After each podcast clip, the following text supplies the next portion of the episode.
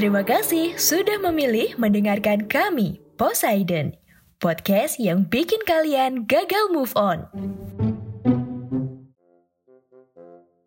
Gerhana matahari total, sebuah fenomena langka yang cuma terjadi puluhan tahun sekali. Bahkan bisa dibilang beruntung ya kalau bisa kita ngelihat sekali seumur hidup. Tapi cara pandang tadi itu nggak selamanya begini ya. Di abad lalu, Indonesia dilalui gerhana matahari total yang bisa dilihat sama mayoritas warganya. Tapi bukan rasa kagum dan takjub yang ada, justru ketakutan dan kepanikan yang muncul di mana-mana. Halo dan selamat datang kembali di konten paling random podcast Indonesia di luar kelas. Tempatnya sering tidak jelas bersama saya Garkananta. Ini pertama kalinya ya di luar kelas bahas konten tentang Indonesia.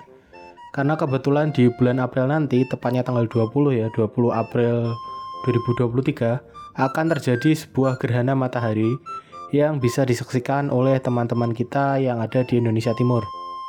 Selain itu kebetulan tanggal 17 Januari kemarin tuh Poseidon juga ulang tahun ya. Jadi ya momennya pas aja gitu buat kita ngebahas sesuatu kejadian yang ada di Indonesia. Pernah nggak sih kalian kepikiran enaknya hidup di zaman modern kayak sekarang? Ada internet, lapar, pengen makan tinggal pesan online, pengen ke mana-mana tinggal naik ojol. Mati listrik aja udah termasuk hal yang mengganggu ya, bahkan ngerusak rencana kalian buat hari itu mungkin informasi digelar di mana-mana, ada gosip di Twitter, ada hoax dan konspirasi di TikTok, ada berita-berita ngarang dari portal berita, dan juga ada berita dari akun resmi pemerintah ya, tinggal dipilih sendiri berdasarkan kualitas SDM kalian ya. Kalau ada apa-apa yang kalian nggak ngerti, tinggal googling aja, nanti juga keluar kan jawaban yang pengen kalian tahu. Hal ini juga tentu saja berlaku buat semua fenomena alam mau nyari tanda-tanda gunung meletus, tanda-tanda tsunami, penyebab gempa, penyebab banjir, apakah banjir salah satu salah gubernur dan lain-lain. Tapi apa yang terjadi kalau kalian hidup di tahun 1980-an? Internet nggak ada, listrik belum merata, TV jarang yang punya ya. Yang punya cuma para orang kaya. Apalagi itu di era di mana segala macam informasi ini masih dibatasin sama pemerintah ya. Stasiun TV aja ada cuma satu ya TVRI miliknya pemerintah. Koran dan radio juga ya kalau nggak mau nurut dicabut izinnya. Sistem ini tentu saja uh, ada kelebihan sama kekurangannya ya walaupun kekurangannya lebih banyak lagi kelebihannya adalah rumor yang beredar di masyarakat ini bisa dikurangi ya karena pemerintah tentu saja nggak mau rakyatnya panik di sisi lain, kurangnya referensi informasi dari tempat lain ini bisa bikin masyarakat salah kaprah. Misalnya di peristiwa kali ini, di tahun 1983, di mana imbauan pemerintah tentang gerhana matahari justru bikin masyarakat dilanda ketakutan yang berlebihan. Gerhana matahari total 1983 ini memiliki jalur lintasan yang tepat berada di Pulau Jawa ya, sehingga sebagian besar masyarakat Indonesia sebenarnya bisa melihat kejadian ini. Sebulan sebelum kejadian gerhana, tepatnya sekitar pertengahan bulan Mei 1983 ya, pemerintah ini udah bikin peringatan bahaya gitu melalui TV TVRI sama RRI se-Indonesia. Bahaya melihat gerhana secara langsung yang disampaikan oleh Menteri Komunikasi zaman itu yang legend banget, Pak Harmoko ya. Belum lagi mereka juga bikin buku petunjuk yang disebar di surat kabar dan juga uh, sekolah-sekolah. Beberapa waktu sebelumnya saat gerhana ini dikonfirmasi uh, bakal ngelewatin Indonesia, Sejumlah ahli mata ini sudah meringatkan ya tentang bahaya solar retinopati akibat paparan sinar matahari kalau menatap gerhana matahari secara langsung ya. Namun peringatan keras dari rezim Soeharto ini justru ikut mempengaruhi persepsi publik ya. Sehingga peristiwa ilmiah ini justru dianggap sebagai momentum musibah. Selain itu, larangan dari pemerintah ini tidak disertai sama penjelasan dan cara melihat gerhana secara aman. Terus apa yang terjadi? orang-orang malah panik ya karena takut buta kalau melihat matahari waktu gerhana ini.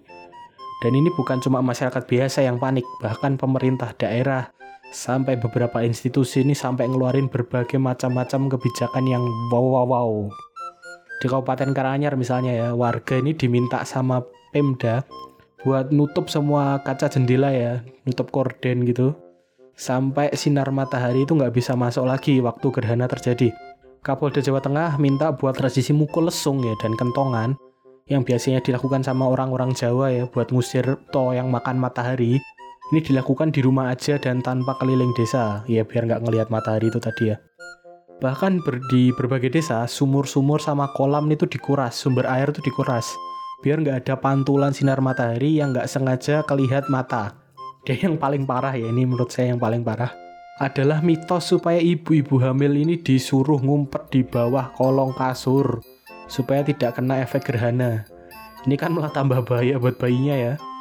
Ibunya malah disuruh senam lantai di bawah kasur kan berbahaya sekali. Kebun binatang Gembira Loka ini bahkan punya rencana bikin perlindungan ekstra buat kandang-kandang hewan ya. Biar hewannya juga nggak ikut buta. Untungnya cuma rencana dan belum dilaksanakan. Sabtu pagi 11 Juni 1983. Dijen Perhubungan Udara memerintahkan 11 bandar udara ini ditutup selama 30 menit ya dan menunda jadwal penerbangan saat gerhana. 200 kru TV TVRI dipersiapkan di sejumlah titik observasi untuk menyiapkan siaran langsung detik-detik gerhana matahari total. Masyarakat diminta tidak keluar rumah waktu gerhana terjadi dan hanya menyaksikan lewat siaran TVRI dan RRI. Pukul 11.26, Gerhana matahari ini mencapai totalitasnya ya dengan seluruh cahaya tertutup bayangan bulan. Masyarakat ini menyaksikan peristiwa ini dengan takjub ya, yang dari TV. Itu pun kalau punya TV. yang nggak punya TV ya cuma bisa main theater of mind ya. dari siaran radio gitu, dibayangin sendiri. Ini buat yang taat sama aturan pemerintah ya. Terus yang ngeyel gimana? Apakah ada yang ngeyel? Apakah mereka benar-benar buta? Faktanya adalah orang ngeyel masih ada di mana-mana dan memang ada yang benar-benar buta karena peristiwa gerhana matahari ini. Tercatat ada sekitar 13 orang yang memerlukan perawatan intensif karena kehilangan penglihatan sementara ya. Untungnya bukan buta permanen, cuma buta sementara. Menurut Sinar Harapan edisi 14 Juni 1983, sampai Senin siang ya tanggal 14 Juni tadi, sekitar 446 orang ini telah datang ke rumah sakit Dr. Sarjito di Yogyakarta untuk memeriksakan keadaan matanya. 14 di antaranya ini dinyatakan mengalami peradangan bagian mata akibat paparan sinar matahari secara langsung yang berlebihan, yaitu selama 5-10 menit saat gerhana terjadi.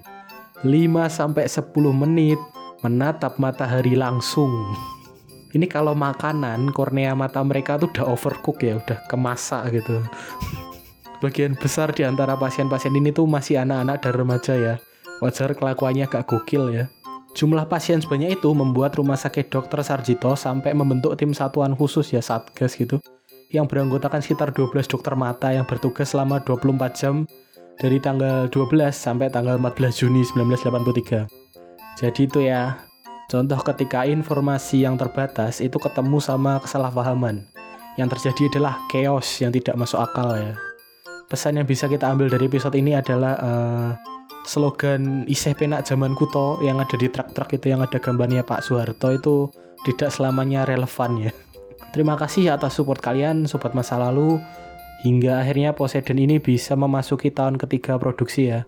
Semoga ke depannya kami juga uh, tetap bisa konsisten untuk memberikan konten yang bukan cuma mengedukasi kalian, tapi juga bisa menghibur kita semua.